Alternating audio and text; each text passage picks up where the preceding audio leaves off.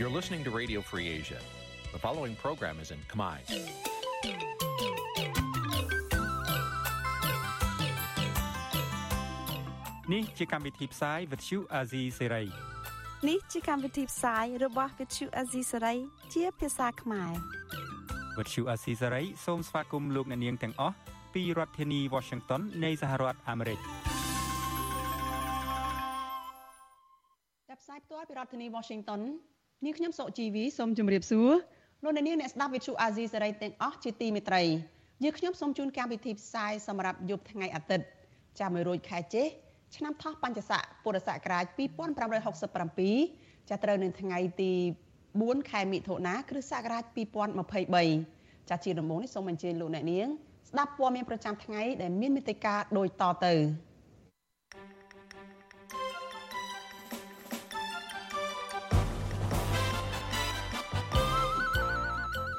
លោកហ៊ុនសែនអះអាងថាសេដ្ឋកិច្ចកម្ពុជាមិនត្រូវការប្រព័ន្ធអនុគ្រោះពន្ធ EBA ពីអឺរ៉ុបទៀតទេពលរដ្ឋខ្មែរកម្ពុជាក្រោមប្រពខួប74ឆ្នាំនៃការកាត់ទឹកដីខ្មែរដោយបារាំងទៅឲ្យវៀតណាមដោយខុសច្បាប់ក្រុមយុវជនស្រឡាញ់បរិស្ថានធម្មជាតិប្រពទិវាបរិស្ថានពិភពលោកបង្ហាញពីផលប៉ះពាល់ដោយសារតែការបំផ្លាញបរិស្ថាន សកម្មជនបរិស្ថានហែក្បួនរំលឹកខួបការបាត់ខ្លួនសកម្មជននយោបាយថៃលោកវ៉ាន់ឆលើមរួមនឹងព័ត៌មានសំខាន់សំខាន់មួយចំនួនទៀតចាជាបន្តទៅទៀតនេះនាងខ្ញុំសុជីវីសូមជូនព័ត៌មានទីនេះពឺស្ដាចលនានាងជាទីមេត្រីលោកយមត្រីហ៊ុនសែនអះអាងថាសេដ្ឋកិច្ចកម្ពុជាបច្ចុប្បន្នលែងត្រូវការប្រព័ន្ធអនុគ្រោះពន្ធដែលហៅកាត់ថា EBA ពីសហភាពអឺរ៉ុបនោះទៀតហើយ ចាចំណែកឯអ្នកវិភាគនិងមន្ត្រីអង្គការសង្គមស៊ីវិលយល់ឃើញថាលក្ខខណ្ឌគោរពសិទ្ធិមនុស្សនិងស្ដារលទ្ធិប្រជាធិបតេយ្យនៅកម្ពុជាឡើងវិញដើម្បីទទួលបានការអនុគ្រោះពន្ធពីសហភាពអឺរ៉ុបគឺជាដើមចមដែលនាំឲ្យលោកហ៊ុនសែននិយាយបែបនេះពួកគេអំពាវនាវរដ្ឋាភិបាលឲ្យពិចារណាឡើងវិញសម្រាប់ផលប្រយោជន៍សេដ្ឋកិច្ចនិងជីវភាពរបស់ពលរដ្ឋចាលោកនាងនៅបានស្ដាប់សេចក្តីរាយការណ៍នេះពឹស្ដារនៅក្នុងការផ្សាយរបស់យើងនៅពេលបន្តិចទៀតនេះ កម្មវិធី Vithu Azizi ស្រីសម្រាប់ទូរស័ព្ទដៃអាចឲ្យលោកអ្នកនាង អានអត្ថបទទស្សនាវីដេអូនិងស្ដាប់ការផ្សាយផ្ទាល់ដោយឥតគិតថ្លៃនិងដោយគ្មានការរំខាន។ដើម្បីអាននិងទស្សនាមេតិការថ្មីថ្មីពី Vithu Azisari លោកអ្នកនាងគ្រាន់តែចុចបាល់កម្មវិធីរបស់ Vithu Azisari ដែលបានដំឡើងរួចរាល់លើទូរស័ព្ទដៃរបស់លោកអ្នកនាង ប្រសិនបើលោកអ្នកនាងចង់ស្ដាប់ការផ្សាយផ្ទាល់ឬការផ្សាយចាស់ចាស់សូមចុចលើប៊ូតុងរូប Vithu ដែលស្ថិតនៅផ្នែកខាងក្រោមនៃកម្មវិធីជាការស្រេច។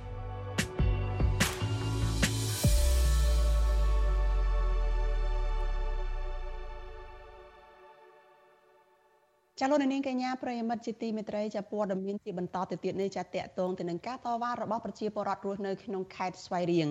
ចាតំណាងពលរដ្ឋរស់នៅក្នុងស្រុកស្វាយទៀបខេត្តស្វាយរៀងប្រមាណ30នាក់ចានាំគ្នាប្រមូលផ្ដុំគ្នាតវ៉ាឲ្យអាជ្ញាធរបញ្ឈប់ក្រុមហ៊ុនមួយដែលមានឈ្មោះថា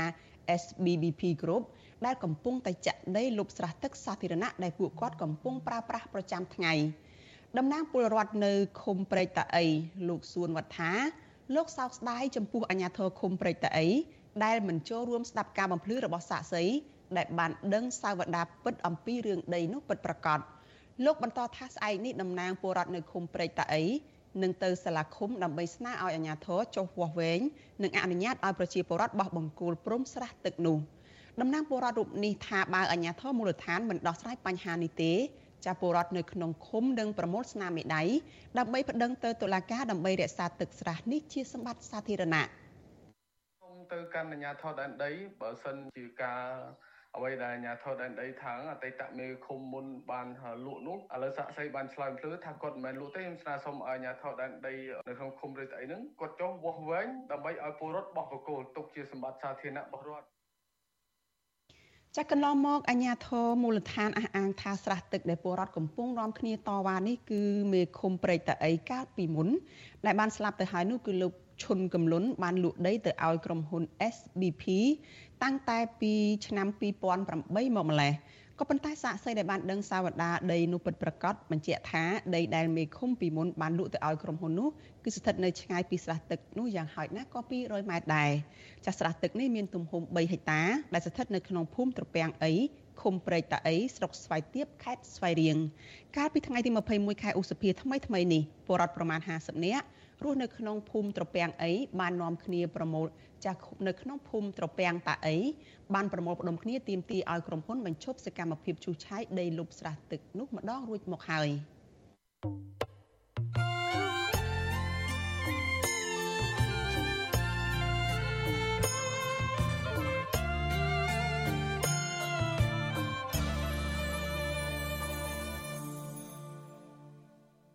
ចាលោកនាងកញ្ញាជាទីមេត្រីចាពលរដ្ឋខ្មែរក្រោមដែលកំពុងតែរស់នៅលើទឹកដីខ្មែរនិងនៅឯខ្មែរកម្ពុជាក្រោមបាននាំគ្នាប្រារព្ធពិធីរំលឹកខួប74ឆ្នាំដែលអាណានិគមបារាំងបានកាត់ដីកម្ពុជាក្រោមចំនួន21ខេត្តទៅឲ្យវៀតណាមគ្រប់គ្រងកាលពីថ្ងៃទី4ខែមិថុនាឆ្នាំ1949ប៉ុន្តែការប្រារព្ធពិធីនេះនៅលើទឹកដីខ្មែរកម្ពុជាក្រោមត្រូវបានអាជ្ញាធរវៀតណាមនៅទីនោះរារាំង និងបានប្រើប្រាស់អំពើហិង្សាទៅលើព្រះសង្ឃនិងពលរដ្ឋខ្មែរក្រោមឲ្យរងរបួសជាច្រើនអ្នកចាលោកនាងនៅបានស្ដាប់សេចក្តីរាយការណ៍នេះនៅក្នុងការផ្សាយរបស់យើងនៅពេលបន្តិចទៀតនេះចានៅក្នុងខួបនៃ74ឆ្នាំនៃការគ្រប់គ្រងទឹកដីខ្មែរកម្ពុជាក្រោមដោយប្រទេសវៀតណាមនេះ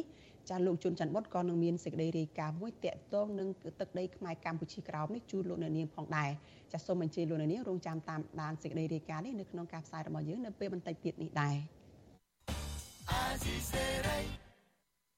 ចាលោកនាងជាទីមេត្រីចាលោកយមត្រីហ៊ុនសែនអះអាងថាសេដ្ឋកិច្ចកម្ពុជានៅពេលបច្ចុប្បន្ននេះគឺលែងត្រូវការប្រព័ន្ធអនុគ្រោះពន្ធ EBA ពីសហភាពអឺរ៉ុបតទៅទៀតហើយចាអ្នកវិភាគនិងមន្ត្រីអង្គការសង្គមស៊ីវិលយល់ឃើញថាលក្ខខណ្ឌគោរពសិទ្ធិមនុស្សនិងស្ដារលទ្ធិប្រជាធិបតេយ្យនៅកម្ពុជាឡើងវិញដើម្បីទទួលបានការអនុគ្រោះពន្ធពីសហភាពអឺរ៉ុបនោះគឺជាដើមចមដែលនាំឲ្យលោកហ៊ុនសែនលើកឡើងបែបនេះ ចាពួកគេអំពាវនាវរដ្ឋាភិបាលចាឲ្យពិចារណាឡើងវិញ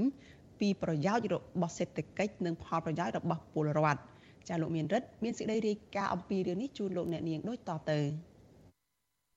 លោកហ៊ុនសែនប្រកាសជាថ្មីទៀតថាលោកមិនខ្វល់ពីសហភាពអឺរ៉ុបដកហូតប្រព័ន្ធអនុគ្រោះពន្ធ EBA ពីកម្ពុជាឡើយដោយលោកស្មានថាប្រព័ន្ធអនុគ្រោះពន្ធនេះគង់តែសហភាពអឺរ៉ុបដកហូតនៅពេលដែលស្ថានភាពសេដ្ឋកិច្ចរបស់កម្ពុជាចាក់ចេញពីប្រទេសមានការអភិវឌ្ឍតិចតួចនៅឆ្នាំ2027ខាងមុខនេះលោកហ៊ុនសែនប្រកាសជាថ្មីម្ដងទៀតថា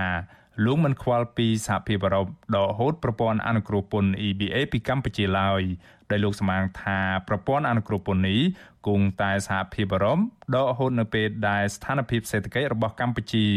ចាកចេញពីប្រទេសមានការអភិវឌ្ឍតិចតួចនៅឆ្នាំ2027ខាងមុខនេះម្យ៉ាងវិញទៀតលោកថាការសម្រេចចិត្តបែបនេះក៏ជួយឲ្យកម្ពុជាពង្រឹងសមត្ថភាពដោយឈប់ពឹងផ្អែកលើដង្ហើមគេដកតទៅទៀតដែរ ថ្លែងក្នុងពិធីសំណេះសំណាលជាមួយគណៈកម្មការកម្មការនីនៅក្នុងស្រុកគងពិសីខេត្តកំពង់ស្ពឺ នៅថ្ងៃទី4ខែមិថុនាលោកហ៊ុនសានអះអាងថាទោះស្ថិតក្នុងតម្លៃណាក៏ដោយក៏រដ្ឋាភិបាលរបស់លោកមិនយកអធិបតេយ្យរបស់ជាតិទៅបដូរជាមួយការអនុគ្រោះពន្ធ EBA របស់សហភាពអឺរ៉ុបនិងជំនួយរបស់ប្រទេសណាមួយនោះឡើយលោកអាងថាអឺរ៉ុបដក EBA 20%កាលពីពេលកន្លងមក ពុំបានប៉ះពាល់ដល់ការនាំចេញទំនិញនិងសេដ្ឋកិច្ចកម្ពុជាទេហើយកម្ពុជាអាចរស់បានដោយមិនត្រូវការប្រព័ន្ធអនុគ្រោះពន្ធលើមុខទំនិញពីអឺរ៉ុបនោះទេខ្ញុំក៏ចង់ដឹងភាពធន់របស់កម្ពុជាដល់ណាដែរដើម្បីយើងពង្រឹងសមត្ថភាពខ្លួនឯងកុំរងចាំដេកអុកស៊ី តែគេគេបតក់ខ្យល់មកយើងខ្ញុំបានប្រកាសតាំងពីពេលមុនថាខ្ញុំមិនយកអធិបតេយ្យរបស់ខ្ញុំទៅដោះដូរជាមួយជំនួយនឹងការអនុគ្រោះណាទាំងអស់ឥឡូវលើការចេះស្ដែងតើកម្ពុជាបានងាប់ហើយនៅអាក្មេងពីលនៅក្រៅស្រុកតើកម្ពុជាបានងាប់ហើយនៅវាអត់ងាប់ទេអាពៅបើមានងាប់មានតែពួកឯងនឹងងាប់ ទោះយ៉ាងណាអ្នកវិភាគនយោបាយនិងមន្ត្រីសង្គមស៊ីវិលថាការធ្វើតាមលក្ខខណ្ឌរបស់សហភាពអឺរ៉ុបដែលទាមទារឲ្យស្ដារសិទ្ធិមនុស្សនិងប្រជាធិបតេយ្យឡើងវិញមិនធ្វើឲ្យកម្ពុជាបាត់បង់ឯករាជ្យឬអធិបតេយ្យជាតិដោយការលើកឡើងរបស់លោកហ៊ុនសែននោះទេផ្ទុយទៅវិញពួកគេថាការធ្វើតាមអនុសាសន៍របស់សហភាពអឺរ៉ុប នឹងជួយពង្រឹងការអនុវត្តច្បាប់ឲ្យបានត្រឹមត្រូវនិងពង្រឹងអធិបតេយ្យរបស់កម្ពុជាព្រមទាំងជួយដល់ការរីកលូតលាស់ផ្នែកសេដ្ឋកិច្ចជាតិទាំងមូលទៀតផងអ្នកវិភាគនយោបាយលោកកឹមសុខលើកឡើងថាលោកហ៊ុនសែនដឹងច្បាស់ថាប្រព័ន្ធអនុគ្រោះពន្ធរបស់ប្រទេសលោកសេរីនៅតែសំខាន់ក្នុងការជួយជ្រោមជ្រែងសេដ្ឋកិច្ចកម្ពុជាព្រមទាំងកសិករនិងកម្មករខ្មែរដែលរស់នៅក្នុងជីវភាពក្រីក្រ លោកយល់ថាលក្ខខណ្ឌនៃការគោរពសិទ្ធិមនុស្សនិងស្ដារប្រជាធិបតេយ្យគឺជាឧបសគ្គធ្វើឲ្យលោកហ៊ុនសែនត្រូវប្រកាសជាចំហនៅចំពោះមុខកម្មករថាលោកមិនត្រូវការប្រព័ន្ធអនុគ្រោះពន្ធ EBA របស់សហភាពអឺរ៉ុបនិង GSP របស់សហរដ្ឋអាមេរិកដើម្បីបកស្រាយបន្លំផ្នែកប្រជាពលរដ្ឋ លោកមើលឃើញថាប្រជាពលរដ្ឋខ្មែរនៅតែត្រូវការកម្មវិធីអនុគ្រោះពន្ធលើមុខទំនិញនាំចេញជាចាំបាច់ដើម្បីបង្កើតការងារធ្វើនៅក្នុងស្រុកនិងជួយដល់ជីវភាពពួកគេឲ្យរស់នៅសមរម្យជាងសពថ្ងៃ សិនបើបើកសេរីភាពវិញណាទូទាំងព្រះរាជាណាចក្រកម្ពុជាដែលមានរោងចក្រគឺមានការតវ៉ាគ្រប់កន្លែងទាំងអស់ត្រង់នឹងហើយដែលលោកនាយករដ្ឋមន្ត្រីហ៊ុនសែនចេះតែថ្លែងបន្លំសាច់រឿងលួងលោមកម្មករកម្មការនីថា EBA គង់តែបាត់ទេ GSP គង់តែបាត់ទេហើយចុះនៅយូរឆ្នាំទៀតហេតុអីមិនរក្សាដើម្បី រក្សាផលប្រយោជន៍សេដ្ឋកិច្ចនិងពាណិជ្ជកម្មព្រមទាំងការងាររបស់កម្មករកម្មការនីធ្វើឲ្យកម្មករកម្មការនីបាត់ការងារធ្វើអីមែនតើទៅវាជាអំពើដឹកនាំប្រទេសជាតិដែលផ្ទុយស្រឡះពីការគិតគូរអំពីផលប្រយោជន៍ជាតិកាលពីថ្ងៃទី16ខែមីនាសភាអឺរ៉ុបបានអនុម័តជាផ្លូវការនៅសេចក្តីសម្រេចថ្មីមួយដោយប្រមានដកហូតប្រព័ន្ធអនុគ្រោះពន្ធគ្រប់មុខទំនិញទាំងអស់លើកលែងតែអាវុធ ហៅកាត់ថា EBA ពីកម្ពុជាបន្ថែមទៀតប្រសិនបើការបោះឆ្នោតជ្រើសតាំងតំណាងរាស្ត្រនាខែកក្កដាខាងមុខនេះធ្វើឡើងមិនស្របតាមស្តង់ដារអន្តរជាតិឬប្រសិនបើនៅតែកើតមានការរំលោភសិទ្ធិមនុស្សបន្តទៀតសេចក្តីសម្រេចនេះបានក្លាយជាការព្រមានរបស់សហភាពអឺរ៉ុបលើកទី2ក្រោយអឺរ៉ុបបានដកប្រព័ន្ធអនុគ្រោះពន្ធ EBA 20%ពីកម្ពុជាដោយសារតែមានការរំលោភសិទ្ធិមនុស្សធ្ងន់ធ្ងរនិងជាប្រព័ន្ធយ៉ាងជាក់លាក់នៅកម្ពុជា ទោះជាយ៉ាងណាសហភាពអឺរ៉ុបធ្លាប់គូបញ្ជាក់ថាបើស្ថានភាពដុនដាបផ្នែកសិទ្ធិមនុស្សនេះមានការជឿនលឿនទៅរកភាពប្រសើរឡើងវិញនោះនោះសហភាពអឺរ៉ុបនឹងពិចារណាផ្ដល់ឋានៈអនុគ្រោះពន្ធទាំងស្រុងដល់កម្ពុជាវិញ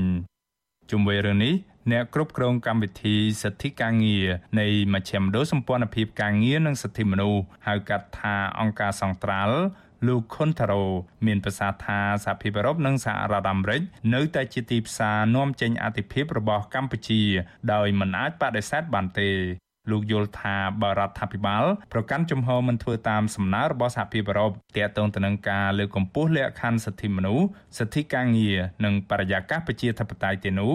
នោះកម្ពុជានឹងបាត់បង់នៅអត្ថប្រយោជន៍ជាច្រើន ដែលប៉ះពាល់ដល់ក្រុមអ្នកវិនិយោគចង្វាក់ផលិតកម្មនាំចេញ និងការបញ្ជាទិញធ្វើឲ្យកម្មកររោងចក្រជាច្រើនត្រូវប្រឈមទៅនឹងការអត់ការងារធ្វើ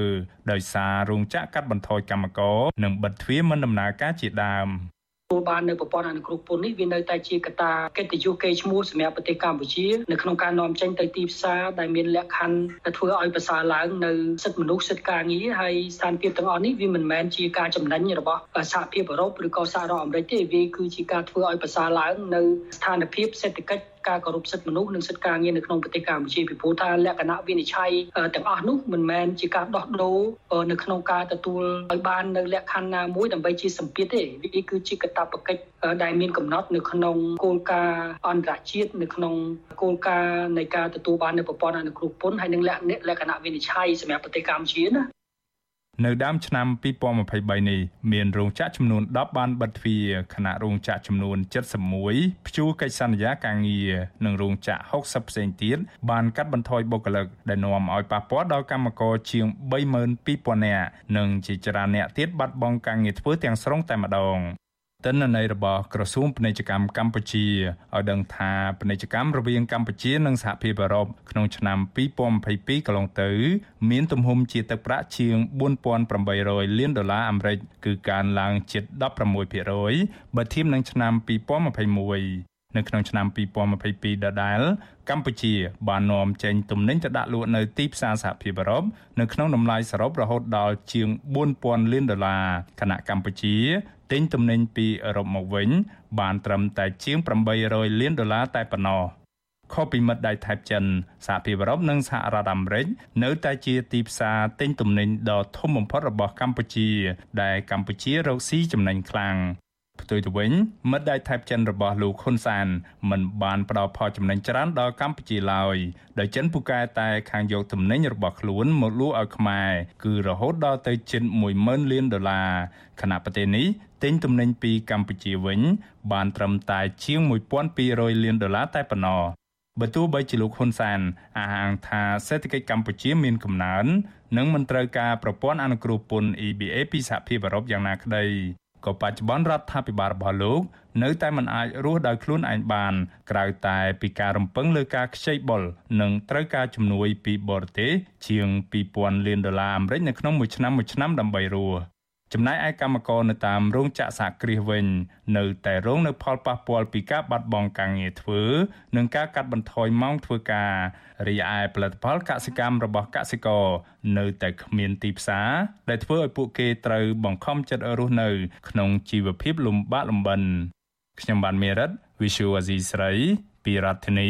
Washington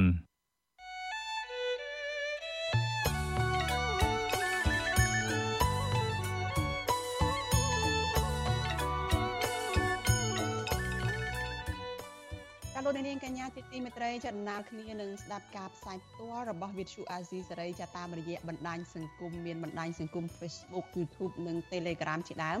ចាលោកនាងក៏អាចស្ដាប់ការផ្សាយផ្ទាល់របស់ Vithu Azizi សេរីចានៅលើ Vithu រលកធាតុអាកាសខ្លីចា Post SW តាមកម្រិតនិងកម្ពស់ដូចតទៅនេះពេលព្រឹកចាប់ពីម៉ោង5កន្លះដល់ម៉ោង6កន្លះតាមរយៈ Post SW 12.14 MHz ស្មើនឹងកម្ពស់ 25m និង Post SW 13.17 MHz ស្មើនឹងកម្ពស់ 22m ចាប់ពេលយប់ចាប់ពីម៉ោង7កន្លះដល់ម៉ោង8កន្លះតាមរយៈ post SW 9.33 MHz ស្មើនឹងកម្ពស់ 32m ចាស់ post SW 11.88 MHz ស្មើនឹងកម្ពស់ 25m និង post SW 12.14 MHz ស្មើនឹងកម្ពស់ 25m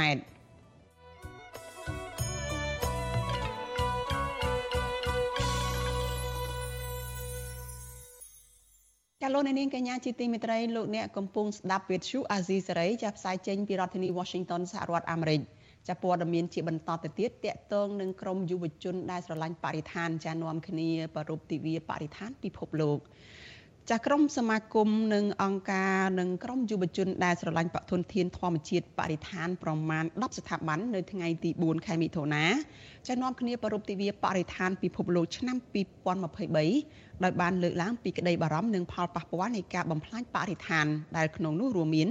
ការនេសាទខុសច្បាប់នៅរដូវត្រីពង ការបូមខ្សាច់ការកាប់បំផ្លាញព្រៃឈើនិងការកាត់ដីឧស្សាហជាតិទៅឲ្យក្រុមហ៊ុនឯកជនមួយចំនួនជាដើម។ ពួកគេជំរុញឲ្យភាគីពាក់ព័ន្ធចូលរួមកិច្ចការពីបរិស្ថាន និងទប់ស្កាត់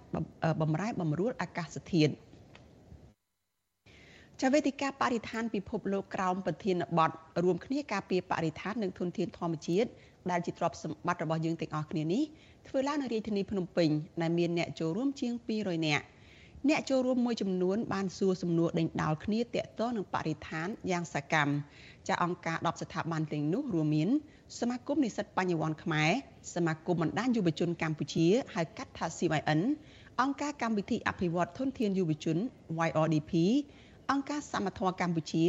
និងអង្គការមួយចំនួនទៀតចាប់ប្រធានផ្នែកគ្រប់គ្រងនិងពង្រឹងសិទ្ធិអំណាចនៃបណ្ដាញយុវជនកម្ពុជា CYN គឺលោកច័ន្ទរាលោកក៏សម្គាល់ថា ការប្រែប្រួលអាកាសធាតុកាន់តែកើនឡើងពីមួយឆ្នាំទៅមួយឆ្នាំដែលបញ្ហាទាំងអស់នេះបណ្ដាលមកពីការកាប់បំផ្លាញព្រៃឈើនិងអំពើពុករលួយ ដែលអាជ្ញាធរឈប់ដែលអាណាចាដែលអាជ្ញាធរបានខុបខិតជាមួយនឹងឈ្មួញកាប់ឈើលោកបន្តថាអាជ្ញាធរគួរតែពង្រឹងការអនុវត្តច្បាប់ និងសហការជាមួយយុវជននិងពលរដ្ឋដែលរស់នៅក្បែរតំបន់ព្រៃឡង់ដើម្បីកាត់បន្ថយការកាប់ទន្ទ្រានដីបំផ្លាញព្រៃឈើនៅទីនោះលោកបញ្ជាក់ថា ការផ្ដល់ដីនៅក្នុងតំបន់ការពារទៅឲ្យក្រុមហ៊ុនឯកជននិងធ្វើឲ្យប្រភេទសត្វកម្រដូចជាស្វាទូចក្ងោកនិងជ្រូកព្រៃមាន់ព្រៃជាដើមប្រឈមនឹងការបាត់បង់ជំរកនិងត្រូវផុតពូជ អីដែលយើងចង់ឃើញគឺការវេកមុខអ្នកដែលប្រព្រឹត្តបទល្មើសនៅពីក្រោយអកតកម្មធនធានធម្មជាតិក្នុងព្រៃឈើដែលកើតមានរាល់ថ្ងៃនៅក្នុងដែនជម្រកសត្វព្រៃហើយការហាមឃាត់សកម្មជនការហាមឃាត់យុវជនដែលមិនឲ្យចូលទៅក្នុងដែនជម្រកសត្វព្រៃហ្នឹងយើងមិនគួរគប្បីធ្វើទេព្រោះយុវជននិងសហគមន៍គាត់អ្នកដែលនៅមូលដ្ឋានហ្នឹងខ្ញុំមើលឃើញថាគាត់មនុស្សដែលនៅជិតស្និទ្ធនឹងធនធានបំផុតបើសិនបើយើងហាមគាត់មិនឲ្យគាត់ឲ្យចូលរួមយើងសួរថាតើអ្នកណាគេអ្នកចូលរួមគណៈពេលដែលការចូលរួមមួយផ្នែកហើយយើងនៅតែតមានបទល្មើសកើតឡើងនៅក្នុងដែនជម្រកសត្វព្រៃនេះ ចាស់ស្រដៀងគ្នានេះដែរយុវតីមួយរូបដែលបានចូលរួមនៅក្នុងកម្មវិធីចាស់គឺកញ្ញាថងជាឈិងជាវថ្លែងថាកិច្ចពិភាក្សាលើបរិស្ថាននេះគឺមានសារៈសំខាន់ណាស់សម្រាប់យុវជនដើម្បីសិក្សាស្វែងយល់ពីការបំផ្លាញធនធានធម្មជាតិតាមរយៈការកាប់បំផ្លាញព្រៃឈើការ នេសាទត្រីកម្រនិងការប្រើប្រាស់ថង់ប្លាស្ទិកជាដើមនោះចាកញ្ញារំពឹងថាក្រសួងពាក់ព័ន្ធនឹងបើកលំហសិទ្ធិសេរីភាពឲ្យយុវជន មានឱកាសបង្ហាញពីក្តីកង្វល់ពីបញ្ហាបរិស្ថាននិងទទួលយកចំណុចកែលម្អពីក្រមយុវជន។ ទាំងសង្គមស៊ីវិលទាំងប្រជាពលរដ្ឋទាំងយុវជនក៏ដូចជារាជរដ្ឋាភិបាលក៏ជាផ្នែកមួយសំខាន់ក្នុងការចូលរួមដែរព្រោះយើងទាំងអស់គ្នាត្រូវការបើសិនជាមានតែការខិតខំពីយើងប៉ុន្តែរាជរដ្ឋាភិបាលក៏អាចបានចូលរួមឬក៏ក្រសួងដែលពាក់ព័ន្ធនានាអាចបានចូលរួមទេសមិទ្ធផលអាចទទួលបានគ្រាន់តែវាតិចតួចស្រួយស្ដាវអីអញ្ចឹងណាតែបើសិនជាមានការសហការពីពួកគាត់អញ្ចឹងយើងប្រកាសជាអាចដំណើរការបានរលូនពាក់ព័ន្ធមួយការថែរក្សាបរិស្ថានឬក៏ការចូលរួមសកម្មភាពណាមួយដើម្បីជួយដល់បរិស្ថាននេះអញ្ចឹង ចាក្រៅពីវេទិកាជជែកអំពីគោលនយោបាយដើម្បីការពារធនធានធម្មជាតិបរិស្ថានក៏នៅមានកិច្ចពិភាក្សាដេញដោលអំពីផលប៉ះពាល់អំពីបរិស្ថាន ស្ដីអំពីធម្មពលស្អាតការប្រើប្រាស់ថង់ប្លាស្ទិកនិងការដើរម៉ូដចារៀបចំដោយក្រុមយុវជន ដែលបង្ហាញពីការបំផ្លាញបរិស្ថាន និងមានការដាក់ពិព័រណ៍រូបភាពដើមឈើជាដើម។ ចាវិទ្យុអាស៊ីសេរីនៅមិនទាន់អាចតេតងแนะនាំពីក្រសួងបរិស្ថានលោកនេតភក្ត្រាដើម្បីសូមការអធិប្បាយជុំវិញបញ្ហានេះបាននៅឡើយទេនៅថ្ងៃទី4ខែមិថុនានេះចាតេតងនឹងរឿងនេះក្រុមស្នូលនៃបណ្ដាញព្រៃឡង់នៅក្នុងខេត្តព្រះវិហារលោកខេមសុខី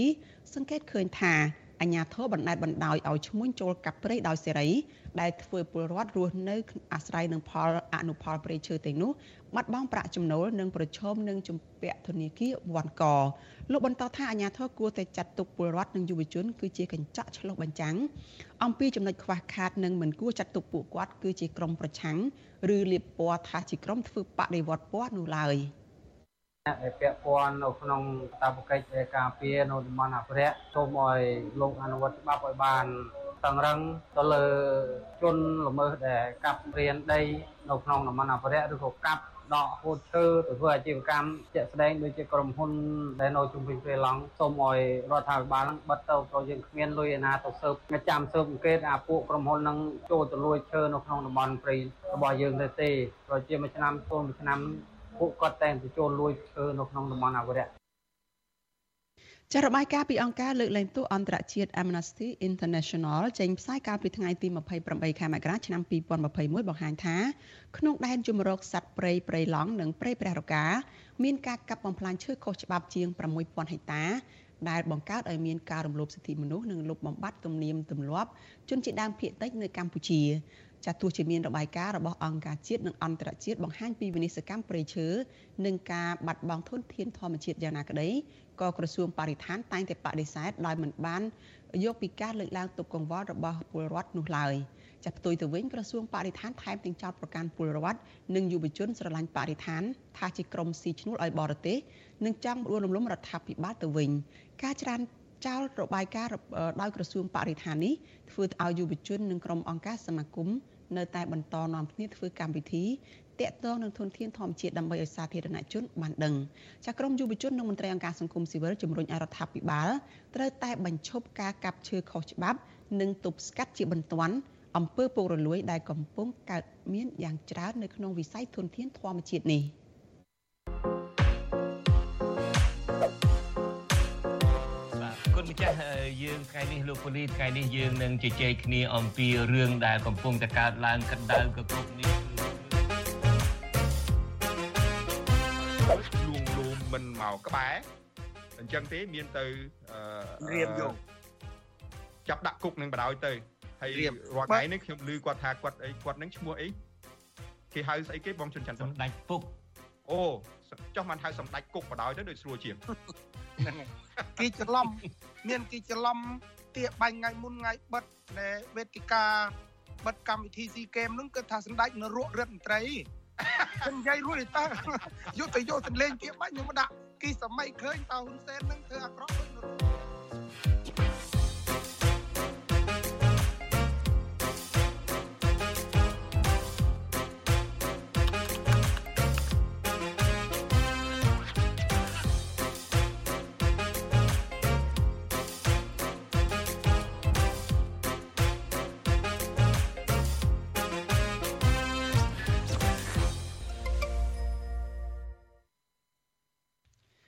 លោកនាងកញ្ញាជាទីមេត្រីចាពលរដ្ឋខ្មែរក្រោមនៅទឹកដីខ្មែរនិងនៅឯខ្មែរកម្ពុជាក្រោមចាបាននាំគ្នាប្រារព្ធពិធីរំលឹកខួប74ឆ្នាំដែលអាណានិគមបារាំងបានកាត់ទឹកដីកម្ពុជាក្រោមចំនួន21ខេត្ត ទៅឲ្យវៀតណាមគ្រប់គ្រងកាលពីថ្ងៃទី4ខែមិថុនាឆ្នាំ1949ប៉ុន្តែការប្រារព្ធពិធីនេះនៅលើទឹកដីខ្មែរកម្ពុជាឯក្រោមឯណោះចាគឺត្រូវបានអាជ្ញាធរវៀតណាមទៅរារាំងនិងបានប្រើអំពើហិង្សាទៅលើព្រះសង្ឃនិងពលរដ្ឋខ្មែរក្រៅមួយចំនួនឲ្យរងរបួស ចាតកតនៅរឿងនេះចាយើងនឹងមានព័ត៌មានជូនលោកអ្នកនាងនៅពេលបន្តិចទៀតនេះចាប៉ុន្តែមុននឹងចូលទៅដល់រឿងរ៉ាវនេះចាយើងងាកមកព័ត៌មានមួយចាដែលរៀបចំជូនដោយលោកជួនច័ន្ទបុតចាព័ត៌មាននេះគឺតកតងនឹងប្រវត្តិសង្ខេបនៃទឹកដីខ្មែរកម្ពុជាក្រោមចាការធ្វើយួននុបនីយកម្មនៅលើទឹកដីខ្មែរកម្ពុជាក្រោមការងើបតស៊ូរបស់វីរៈជនខ្មែរកម្ពុជាក្រោម ព្រមទាំងការទៀមទាសិទ្ធិស្វ័យសម្រេចរបស់ខ្មែរកម្ពុជាក្រោមចាសសូមអញ្ជើញលោកអ្នកនាងចាសទស្សនាសេចក្តីរាយការណ៍របស់លោកជួនច័ន្ទបុតចាសតកតងទៅនឹងប្រវត្តិសង្ខេបនៃទឹកដីខ្មែរកម្ពុជាក្រោមនេះដូចតទៅ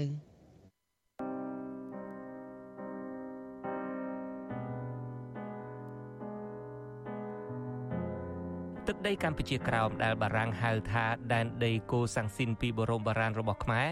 បានធ្លាក់ទៅក្រោមការគ្រប់គ្រងរបស់វៀតណាមកាលពីថ្ងៃទី4ខែមិថុនាឆ្នាំ1949ក្រោមការចុះហត្ថលេខាប្រគល់ទឹកដីនេះទៅឲ្យប្រទេសវៀតណាមដោយប្រធានាធិបតីបារាំងលោកវ៉ាងសុងអូរីយ៉ូល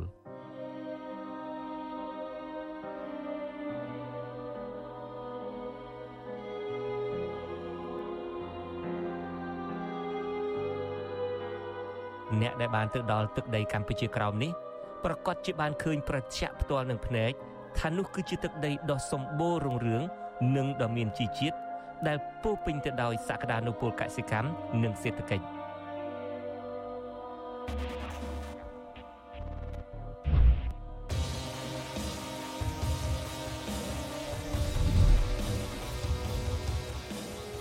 តាមពិតជនជាតិវៀតណាមបាននាំគ្នាមកតាំងលំនៅលើដែនដីសណ្ដទន្លេមេគង្គកូសាំងស៊ីននេះ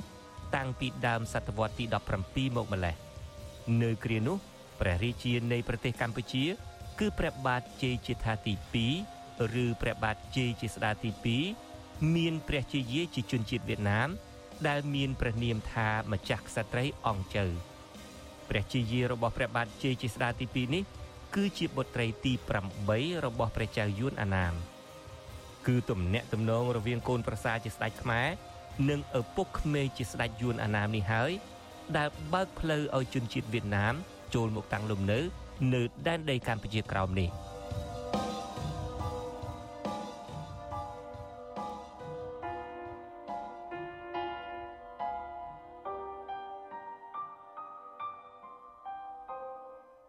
ឯកសារប្រវត្តិសាស្ត្រមួយចំនួនបានសរសេរថានៅ គ្រិស្តសករាជ1621ដោយយកលេសថាប្រទេសយួន មានចម្បាំងជាមួយចិនគណៈបេសកកម្មការទូតរបស់យួនមួយចំនួន បាននាំសម្បត្តិពីច្បាប់របស់ព្រះចៅអាណាមមកកម្ពុជា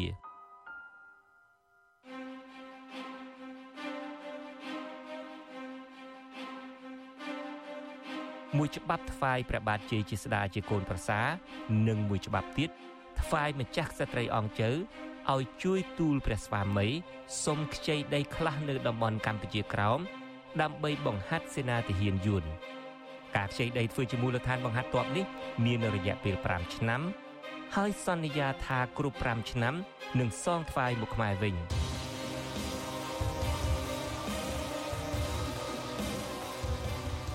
ដោយយោគយល់ដល់ព្រះបិតាក្មេកនិងអគ្គមហេសីអង្គជើផងព្រះជ័យជាស្ដាក៏ទ្រង់យល់ព្រមអនុញ្ញាតតាមការស្នើសុំនេះ ចាប់តាំងពីពេលនោះមក ជនជាតិយួនបានដឹកកូនជញ្ជូនចៅបបួលគ្នាមករស់នៅក្នុងទឹកដីខ្មែរកាន់តែច្រើនឡើងច្រើនឡើងម្យ៉ាងទៀតដោយយកលេសថាដើម្បីជួយអាជ្ញាធរខ្មែរក្នុងទីនោះរក្សាសន្តិសុខឲ្យមានប្រសិទ្ធភាពព្រះចៅយួនក្រុងវេក៏បានបញ្ជូនមេតបរបស់គេម្នាក់ឲ្យមកឈរកាន់កាប់នៅតំបន់នោះទៀតផង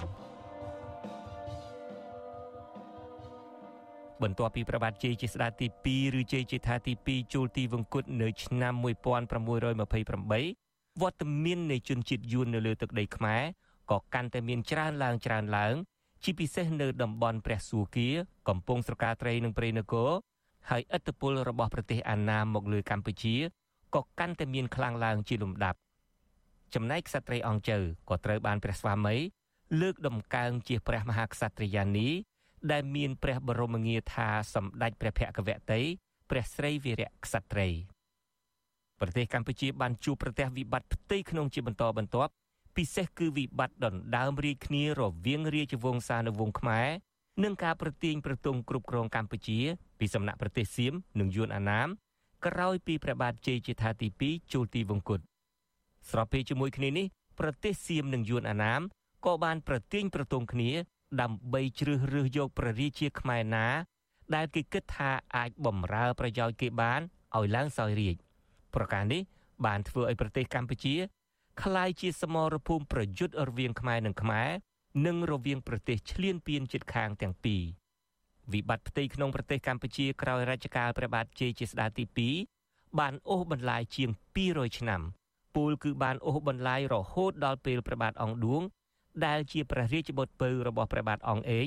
ឡើងគ្រងរាជ្យនៅឆ្នាំ1840ក្នុងខណៈដែលកម្ពុជាកំពុងមានវិបត្តិប្រទេសសៀមនិងយួនអាណាមក៏បានឆ្លៀតឱកាសយកចំណេញពីប្រទេសកម្ពុជា តែរៀងរៀងខ្លួន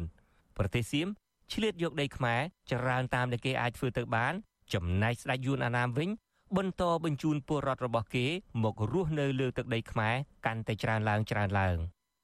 គិតត្រឹមពាក់កណ្ដាលទី2នៃសតវត្សទី18ពលរដ្ឋយួនអាណាម បានមករស់នៅពីសពេញលើដែនដីកម្ពុជាក្រោមរួចទៅហើយក្រោយពីបានចូលមកបោះទីតាំងរឹងមាំនៅលើទឹកដីខ្មែរហើយរដ្ឋអំណាចយួនចាប់ផ្ដើមរកមធ្យោបាយការពារទឹកដីទាំងនេះនិងបានប្រើគ្រប់មធ្យោបាយដើម្បីលុបបំបាត់អត្តសញ្ញាណរបស់ខ្មែរប្រទេសវៀតណាម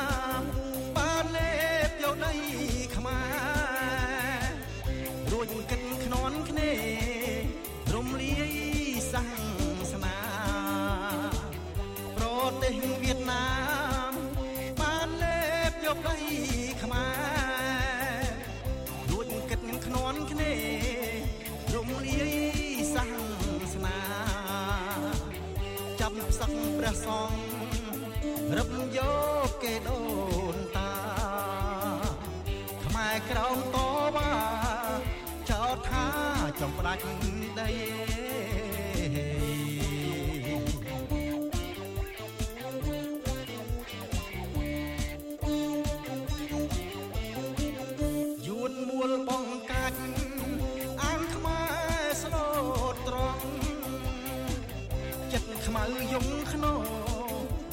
សិទ្ធ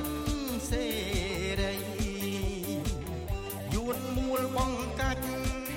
អានខ្មែរស្លូតត្រង់ចិត្តខ្មៅយងខ្នោបាត់សិទ្ធសេរីយកដីខ្មែរហើយគុំនិតអត់ទេរថីចង់ផ្ដាច់ជីវីពូជពងខែមរា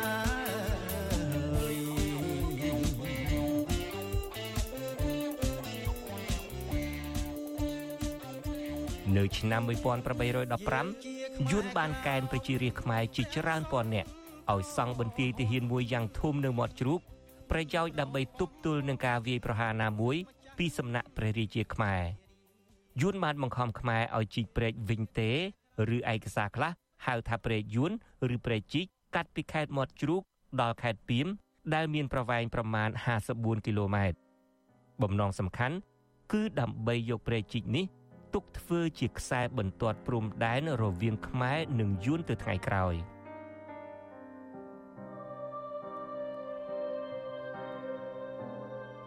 ជំហានបន្ទាប់មេដឹកនាំយួនអាណាមបានផ្លាស់ប្ដូរឈ្មោះភូមិឃុំស្រុកខេត្តក្រុងខ្មែរឲ្យទៅជាឈ្មោះយួនស្ទើរតែទាំងអស់ឈ្មោះខេត្តក្រុងខ្មែរទាំង21ត្រូវយួនផ្លាស់ប្ដូរដូចតទៅព្រៃនគរទៅជាសៃហ្គន ឬបច្ចុប្បន្នគេដូរមួយសារទៀតទៅជាក្រុងហូជីមិញទួលតាមុកទៅជាធូដូមុកចង្វាត្រពាំងទៅជាបៀនវ៉ាព្រះសួគាទៅជាបារាអូកាប់ជាវងតាវរួងដំរីជាតៃនិញកំពង់គោទៅជាលងអាង មេសទៅជាមីថកោះគងទៅជាកកុងកំពង់ឫស្សីទៅជាបេនត្រាលងហោទៅជាលងហោផ្សាដែកទៅជាសាដែក ព្រះត្រពាំងជាត្រាវិញព្រែកឫស្សីជាកិនធើបារាជជាលងសៀងមាត់ជ្រូកទៅជាចៅដុកពីមទៅជាហាទៀងក្រមួនសទៅជារ៉ាត់យ៉ាឃ្លាំងទៅជាសុកត្រាំងពុលលាវទៅជាបាក់លាវនិងទឹកខ្មៅទៅជាកាម៉ាវមិនត្រឹមតែផ្លាស់ប្ដូរឈ្មោះខេត្តខ្មែរនិងតំបន់ខ្មែរនៅទឹកដីកម្ពុជាក្រោមឲ្យទៅជាឈ្មោះយួនប៉ុណ្ណោះទេ សូម្បីតែឈ្មោះតំបន់មួយចំនួននៅក្នុងទឹកដីកម្ពុជាកណ្ដាលឯនេះក៏វៀតណាមបានផ្លាស់ប្ដូរឲ្យទៅជាឈ្មោះយួនដែរឧទាហរណ៍ភ្នំពេញគេហៅថាណាំយ៉ាងអូដុងគេហៅទៅជាបាក់កូណាមខេត្តកំពតទៅជាកឹងវតព្រៃវែងទៅជាឡាវែនលងវែកទៅជាលូវៀតនិងសំរោងតងទៅជាលងតងជាដើម លោកអ្នកនាងក៏ប្រហែលធ្លាប់ឮរួចមកហើយថាពលរដ្ឋខ្មែរកម្ពុជាក្រោមមាននាមត្រកូលស្រដៀងស្រដៀងគ្នាហើយមានសូរសៀងដូចភាសាវៀតណាមនេះក៏មកពីការបង្ខំឲ្យពលរដ្ឋខ្មែរកម្ពុជាក្រោមទាំងនោះដូរត្រកូលខ្មែរចេញដែរដើម្បីងាយស្រួលសម្គាល់និងងាយស្រួលគ្រប់គ្រងខ្មែរអធិរាជយួនអាណាមឈ្មោះយ៉ាឡុងនិងមេដឹកនាំយួនបន្តបន្ទាប់មកទៀតបានបង្ខំខ្មែរឲ្យបដូរត្រកូលរបស់ខ្លួន ហើយប្រើត្រកូលរួមគ្នាទៅតាមខេត្តនិងតំបន់នីមួយៗត្រកូលទាំងនោះរួមមានថាច់សឿនគៀនគឹមចៅយ៉ាញ់ឬដាញ់កាវនិងដាវជាដើម ត្រកូលយ៉ាញ់ឬដាញ់ត្រូវបានប្រើសម្រាប់ខ្មែរនៅខេត្តក្រមួនសត្រកូលថាច់គឹមសឿនគៀនសម្រាប់ខ្មែរនៅខេត្តព្រះត្រពាំងខេត្តឃ្លាំងខេត្តពុលលាវនិងខេត្តទឹកខ្មៅ ត្រកូលកៅសម្រាប់ខេត្តរួងដំរី និងត្រកូលដាវសម្រាប់ខេត្តព្រែកឫស្សីដោយឡែកសម្រាប់ខេត្តមាត់ជ្រូកត្រកូលចៅត្រូវគេឲ្យប្រើសម្រាប់បុរសចំណែកស្ត្រីវិញគេឲ្យប្រើត្រកូលនាង ក្រៅពីនេះក៏នៅមានត្រកូលមួយចំនួនផ្សេងទៀតដែរដូចជាលីយៀបលឹមតាំងញឹងហ្វិនត្រឹងងោតោយឿងនិងលូជាដើម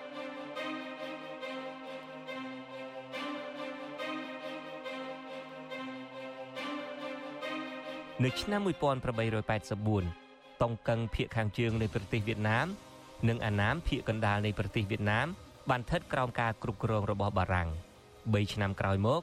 គឺនៅឆ្នាំ1887ប្រទេសកម្ពុជា ទឹកដីខ្មែរកម្ពុជាក្រោមឬកូសាំងស៊ីនតុងកឹងនិងអាណាមត្រូវបានបារាំងដាក់បញ្ចូលគ្នាឲ្យទៅជាសហព័ន្ធឥណ្ឌូចិននៅឆ្នាំ1949 សភាជាតិបារាំងបានបើកកិច្ចប្រជុំដើម្បីសម្រេចថាតើគួរប្រគល់ទឹកដីកម្ពុជាក្រោមឲ្យមកកម្ពុជា ឬក៏ឲ្យទៅប្រទេសវៀតណាមគ្មានអ្វីគួរឲ្យសង្ស័យឡើយថាទឹកដីកម្ពុជាក្រោមនេះជាទឹកដីរបស់ខ្មែរតាំងពីបរមបុរាណតែទោះបីជាមានទឹកតាំងជាប្រវត្តិសាស្ត្រនិងមានប្រជាពលរដ្ឋខ្មែររាប់លាននាក់រស់នៅលើទឹកដីកម្ពុជាក្រោមរាប់សិបដំណមកហើយក្តី នៅថ្ងៃទី4ខែមិថុនា ឆ្នាំ1949នោះសភាជាតិបារាំងដែលមានសមាជិកភាគច្រើន មកពីគណៈបកកុម្មុយនីសហើយដែលស្និទ្ធនឹងហូជីមិញផងនោះក៏សម្រេចប្រគល់ទឹកដីកម្ពុជាក្រោមនេះទៅឲ្យវៀតណាមអ្វីត្បិតតែ70ឆ្នាំកន្លងទៅហើយក្តីអ្នកដែលរងការឈឺចាប់បំផុតពីការសម្រេចចិត្តរបស់បារាំងក្នុងឆ្នាំ1949នោះគឺប្រជាពលរដ្ឋខ្មែរទាំងមូលមិនថាខ្មែរកណ្ដាល ឬខ្មែរកម្ពុជាក្រោមឡើយការសម្រេចចិត្តរបស់បារាំងក្នុងរយៈពេលតែមួយប៉ព្រិចភ្នែកនេះបានបន្សល់ទុកឲ្យខ្មែរក្រោមជាច្រើនលានអ្នកដែលជាម្ចាស់ស្រុកคล้ายជាជនជាតិដើមភាគតិចនៅលើទឹកដីកំណើតរបស់ខ្លួន រហូតមកដល់បច្ចុប្បន្ននេះ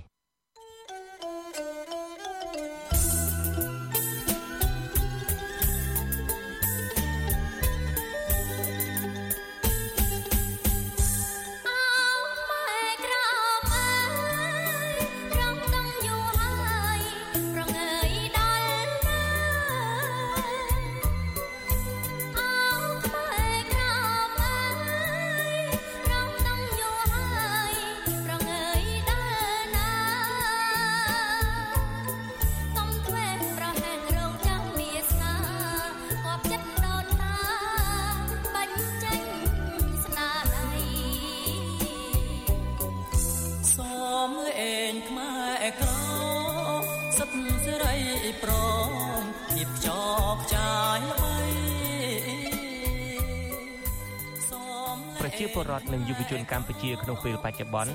បានយល់ដឹងច្រើនអំពីបញ្ហាកម្ពុជាក្រោមកាលពីមុន នៅពេលដែលខ្មែរក្រោមមានបញ្ហា គឺមានតែប្រសង់និងពលរដ្ឋខ្មែរក្រោមខ្លួនឯងប៉ុណ្ណោះជាអ្នកចេញមុខក៏ប៉ុន្តែនៅពេលនេះបញ្ហារបស់ខ្មែរក្រោមលែងជារបស់ខ្មែរក្រោមតែម្នាក់ឯងទៀតហើយវាបានក្លាយជាបញ្ហាសម្រាប់ខ្មែរទូទៅគេនៅចាំបានថាកាលពីឆ្នាំ2014 នៅពេលដែលមន្ត្រីនាំពាក្យស្ថានទូតវៀតណាមប្រចាំកម្ពុជាលោកទ្រង់វ៉ាន់ថុងអះអាងថាទឹកដីកម្ពុជាក្រោមគឺជាទឹកដីរបស់ប្រទេសវៀតណាមតាំងពីយូរយារណាស់មកហើយហើយបារាំងក៏មិនបានកាត់ទឹកដីនេះទៅឲ្យវៀតណាមនោះយុវជនខ្មែររាប់ម៉ឺននាក់ចូលរួមតវ៉ានៅមុខស្ថានទូតវៀតណាមទាមទារឲ្យស្ថានទូតវៀតណាមសុំទោសនិងកែតម្រូវសម្ដីរបស់ខ្លួនឲ្យត្រូវតាមប្រវត្តិសាស្ត្រពិតស្ថានទូតវៀតណាមនេះគឺជាមនុស្សតែឡប់មនុស្សដឹងអី មនុស្សវាបំភ្លៃប្រវត្តិសាស្ត្ររបស់ខ្មែរកម្ពុជាក្រមសូមលោកជើងបង្ខំទៅកម្ពុជាក្រមប្រទេសលើវត្តអារាមរបស់ខ្មែរដែលមានរាប់ពាន់ឆ្នាំមកហើយបងប្អូនប្រវត្តិសាស្ត្ររបស់ខ្មែរយើងដែលមានចរិតសីលាចរិតដូចជាវត្តអារាមជាផុសតាងរបស់ខ្មែរកម្ពុជាក្រមយើងត្រូវឲ្យយួនដើម្បីគោរពសិទ្ធិមនុស្សពលរដ្ឋខ្មែរក្រៅម្នាក់ឈ្មោះកែវសុធាមានប្រសាសន៍ក្នុងឱកាសតវ៉ានឹងស្ថានទូតវៀតណាមថាលោកឈឺចាប់ណាស់នៅពេលដែលមន្ត្រីវៀតណាមមិនទទួលស្គាល់ ថាទឹកដីកម្ពុជាក្រោមជាអតីតរបស់កម្ពុជាយើងមានការជឿចាប់ដោយសារជាទឹកដីរបស់យើងប៉ុន្តែគេគេថាជាទឹកដីរបស់គេគេបំភ្លៃប្រវត្តិសាស្ត្រជាការពិតណាយួនវាគេនៅធ្វើបាបការពីខ្ញុំនៅកម្ពុជាក្រមក៏ដូចតែដែរគេចេះធ្វើបាបជាដូនជាតាយើងរហូតដល់យើងពីចំនួន1ដល់ចំនួន1រហូតដល់ពេលនេះគេព្យាយាមបំភ្លៃប្រវត្តិសាស្ត្របន្ថែមទៀតចំណែកពលរដ្ឋខ្មែរក្រៅមួយរូបទៀតមកពីខេត្តព្រះត្រពាំងឈ្មោះថាច់ចន្ទ្រាដែលបានចូលរួមក្នុងវេទិកាសាធារណៈនាពេលនោះដែរ គាត់សម្គាល់ថាការបំភ្លៃប្រវត្តិសាស្ត្រដោយមន្ត្រីវៀតណាមគឺជារឿងអយុត្តិធម៌ចំពោះខ្មែរក្រោម វាអយុត្តិធម៌ណាស់សម្រាប់ខ្មែរកម្ពុជាក្រោមយើងដែលរងគ្រោះវេទនាផ្លោចផ្សាជាទីបំផុតយើងឃើញហើយទាំងអស់ប្រជាជនជាង10លាននាក់កំពុងរងទុក្ខវេទនានៅកម្ពុជាក្រោមនោះការកាប់សម្លាប់ពីមុនមកដុតទាំងរស់ធ្វើជាមុំចង្ក្រានខ្មែរក្រោមទូទៅសោកស្ដាយណាស់វិរៈបុរសដែលបាត់បង់ទៅដូច្នេះហើយយើងចូលរួមយើងតតាំងនេះដើម្បីជាយុត្តិធម៌ខ្មែរកម្ពុជាក្រោមត្រូវការយុត្តិធម៌ដូចជាអ្នកទាំងអស់នៅលើពិភពលោកដែរលោកថាការបកស្រាយប្រវត្តិសាស្ត្រមិនច្បាស់លាស់នេះ វាអាចធ្វើឲ្យជីវិតពលរដ្ឋខ្មែរប្រមាណជាង10លាននាក់ដែលកំពុងរស់នៅទឹកដីខ្មែរកម្ពុជាក្រោមសពថ្ងៃប្រឈមនឹងការធ្វើបាប ការរំលោភសិទ្ធិមនុស្សនិងការរឹតបន្តឹងទៅលើសិទ្ធិប្រតិបត្តិផ្នែកជំនឿសាសនាជាដើមទឹកដីខ្មែរកម្ពុជាក្រោមនេះត្រូវវៀតណាមចូលលុកលុយតាំងលំនៅ តាំងពីមុនបារាំងចូលមកកាន់កាប់នៅពាក់កណ្ដាលទី2នៃសតវត្សទី19ម្លេះអស់រយៈពេលជាង3សតវត្សមកហើយដែលជនជាតិខ្មែរបានតស៊ូ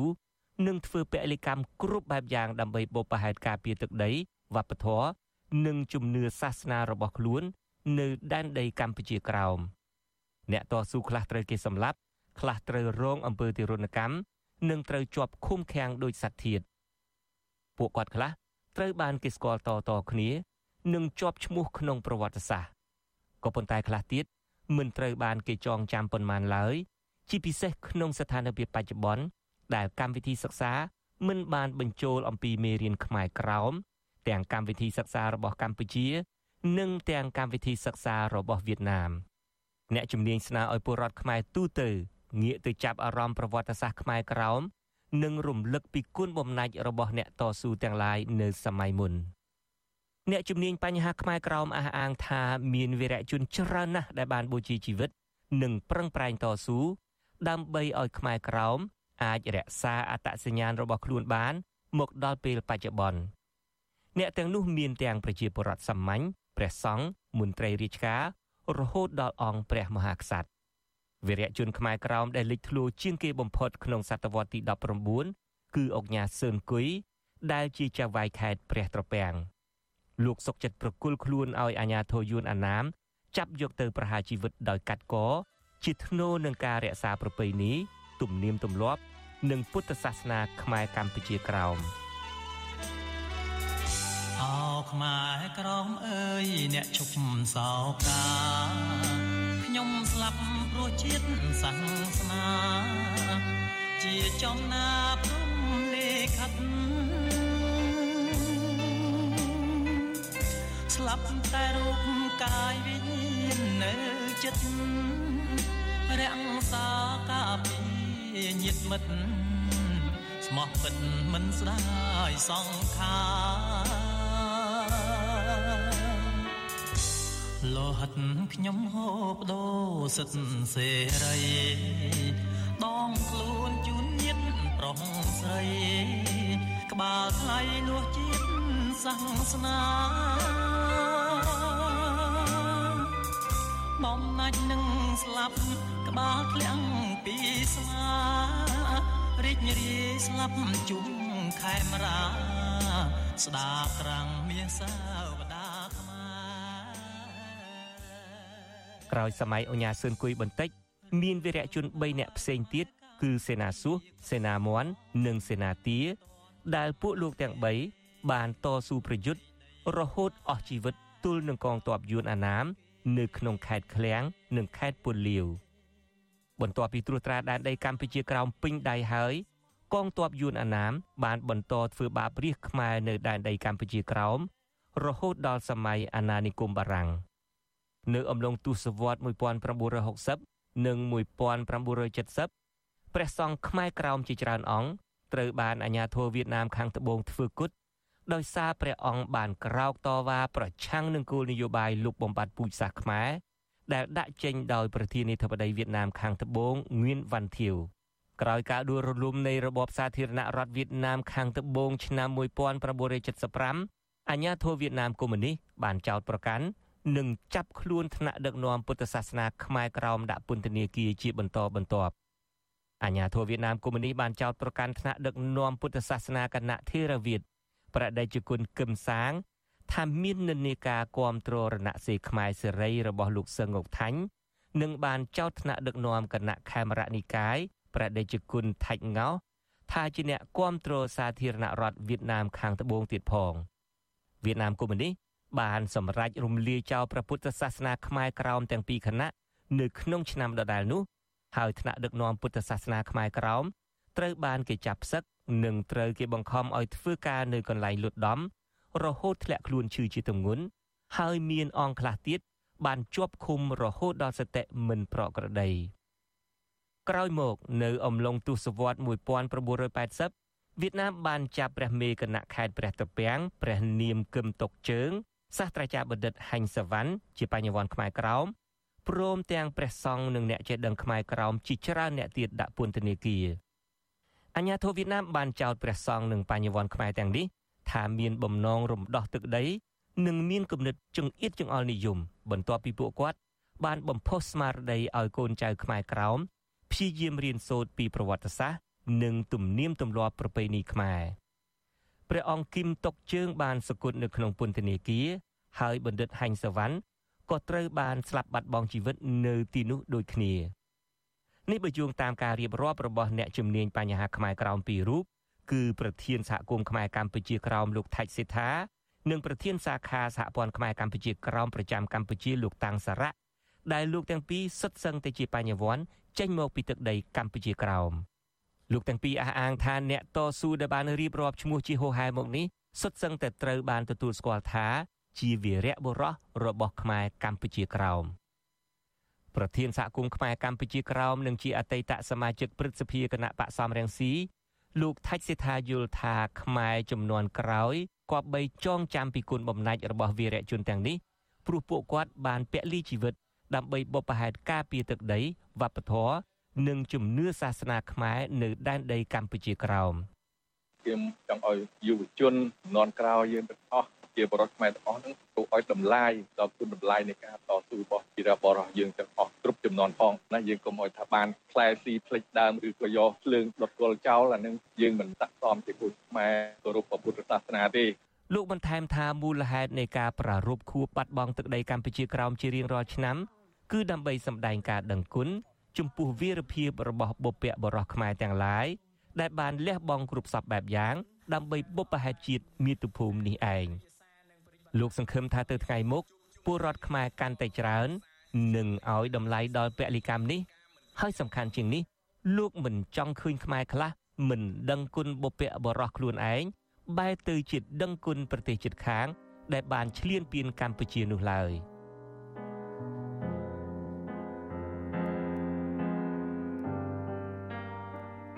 ចំណែកប្រធានសាខាសហព័ន្ធខ្មែរកម្ពុជាក្រោមប្រចាំកម្ពុជាលោកតាំងសារៈវិញ ថ្លែងថាប្រជាពលរដ្ឋខ្មែរទូទៅគួរតែសិក្សាស្វែងយល់ឲ្យបានច្រើនអំពីវីរភាពរបស់បុព្វបុរសខ្មែរក្រោមទាំងនេះព្រោះការតស៊ូរបស់ពួកគាត់មិនមែនបានផលប្រយោជន៍សម្រាប់តែខ្មែរក្រោមនោះទេ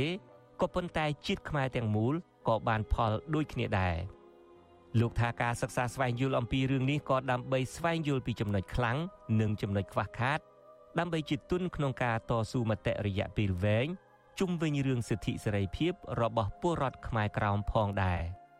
ជាពលរដ្ឋខ្មែរទូទៅគួរតែសិក្សាស្រាវជ្រាវឲ្យដឹងនៅប្រវត្តិរូបឬក៏ស្នាដៃ នៃពុព្វបុរសយើងដែលលោកបានធ្វើការតស៊ូរហូតដល់បានពលីជីវិតទៅនោះហើយបើសិនជាមានឱកាសក៏គួរតែសរសេររំលឹកនៅស្នាដៃរបស់អស់លោកទាំងនោះដើម្បីកុំឲ្យថានៅពេលដែលលោកបានបូជាជីវិតទៅហើយការតស៊ូត្រូវបាត់បង់រលីទៅដោយអត់ប្រយោជន៍ចឹងបាទទោះជាយ៉ាងណាបញ្ញវន្តខ្មែរក្រោមរូបនេះទទួលស្គាល់ថាការសិក្សាអំពីបញ្ហាខ្មែរក្រោមអាចមានការលំបាកបន្តិច ដោយសារកង្វះការកត់ត្រា និងឯកសារស្រាវជ្រាវដូច្នេះលោកស្នើឲ្យបញ្ញវន្តចំនួនក្រោយនាំគ្នាកត់ត្រាប្រវត្តិសាស្ត្រខ្មែរក្រោមទុកឲ្យបានច្រើនផង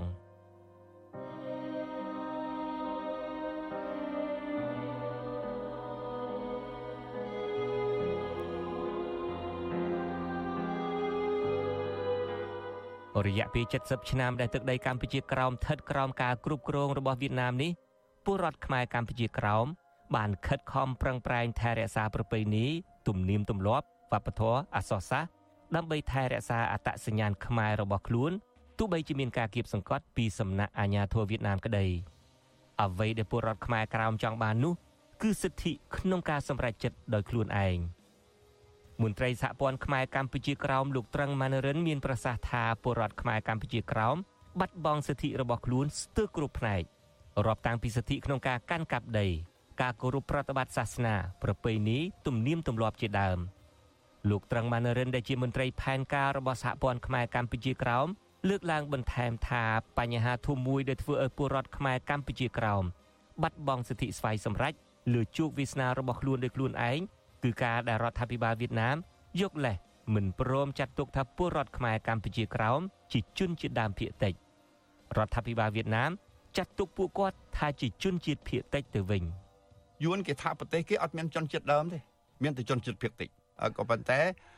អាហ្នឹងវាជាជាឱកាសមួយ ដើម្បីឲ្យសហព័ន្ធចលនាថែមទៀតគោលបំណងយួននៅប្រកែកនេះដើម្បីជៀសវាងនៅអាសិទ្ធិសម្រាប់វាសនាខ្លួនដោយខ្លួនឯងហ្នឹងគេនេះពីពលជនជាតិដើមមានសិទ្ធិហ្នឹង តាមពិតគេមិនមែនថាថាខ្មែរក៏មានជនជាតិដើមគេថាប្រទេសគេអត់មានជនជាតិដើមបាននេះថាចាមក៏មានជនជាតិដើមបាននេះថាខាងម៉ូតញ្ញាក៏មានជនជាតិដើមហើយដូច្នោះហើយគ្មានអ្នកណាគេទទួលស្គាល់អាពាក្យដោះសារនោះរបស់បងប្រទេសយួននោះទេប៉ុន្តែគោលបំណងគេគេចង់គេចង់ពញាពេលក្នុងការអនុវត្តសិទ្ធិសម្ដេចវាសនាខ្លួនដោយខ្លួនឯងរបស់ជនជាតិដើមនឹងឯងទោះជាយ៉ាងនេះក្តីលោកត្រឹងម៉ានរិនអះអាងថាពលរដ្ឋខ្មែរកម្ពុជាក្រោមនៅតែមានសង្ឃឹមថាថ្ងៃណាមួយ ពលរដ្ឋខ្មែរកម្ពុជាក្រោមនឹងអាចទាមទាររដ្ឋាភិបាលវៀតណាមផ្ដល់សិទ្ធិជាជនជាតិដើមភាគតិច ដល់ពលរដ្ឋខ្មែរកម្ពុជាក្រោមហើយសហព័ន្ធខ្មែរកម្ពុជាក្រោមរួមនឹងពលរដ្ឋខ្មែរនិងស្ថាប័នដទៃទៀតក៏នឹងបន្តតស៊ូមតិលើឆាកអន្តរជាតិដើម្បីទាមទារសិទ្ធិនេះជូនពលរដ្ឋខ្មែរកម្ពុជាក្រោមឲ្យខាងតែបានខ្ញុំជុនច័ន្ទបុតអាស៊ីសេរី Washington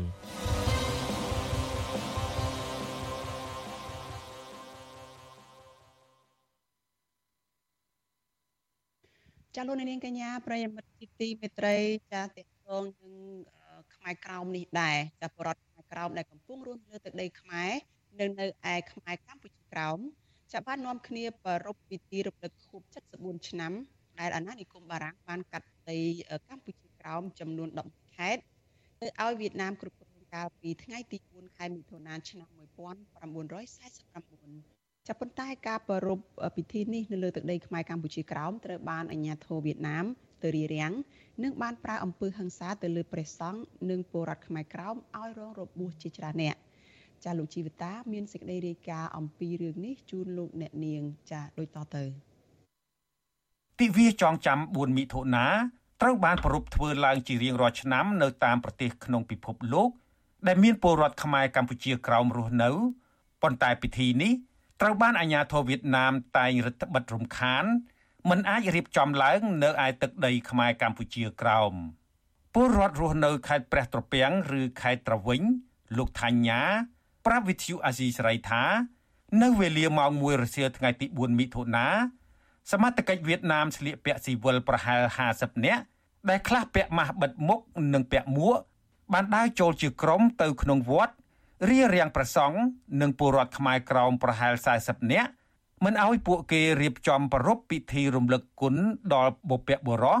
និងដើម្បីរំលឹកទិវាចងចាំនៃថ្ងៃផ្ទេរទឹកដីខ្មែរទៅឲ្យវៀតណាមគ្រប់គ្រងលោកបន្តអះអាងថា ការចុះទៅរៀបរៀងនេះសមត្ថកិច្ចវៀតណាមបានប្រើអំពើហិង្សា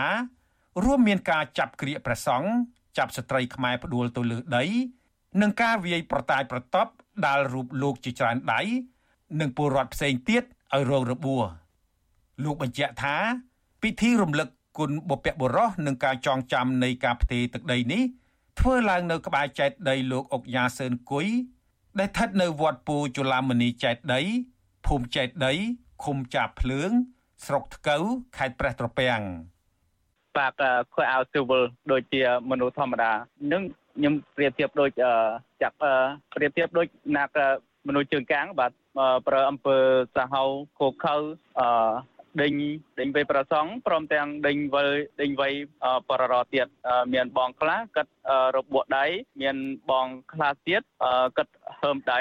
ព្រមទាំងខ្ញុំបាទត្រូវ3 4ដៃបាទវ័យខ្ញុំត្រង់ក្បាលបាទលោកថាញ៉ាលើកឡើងទៀតថា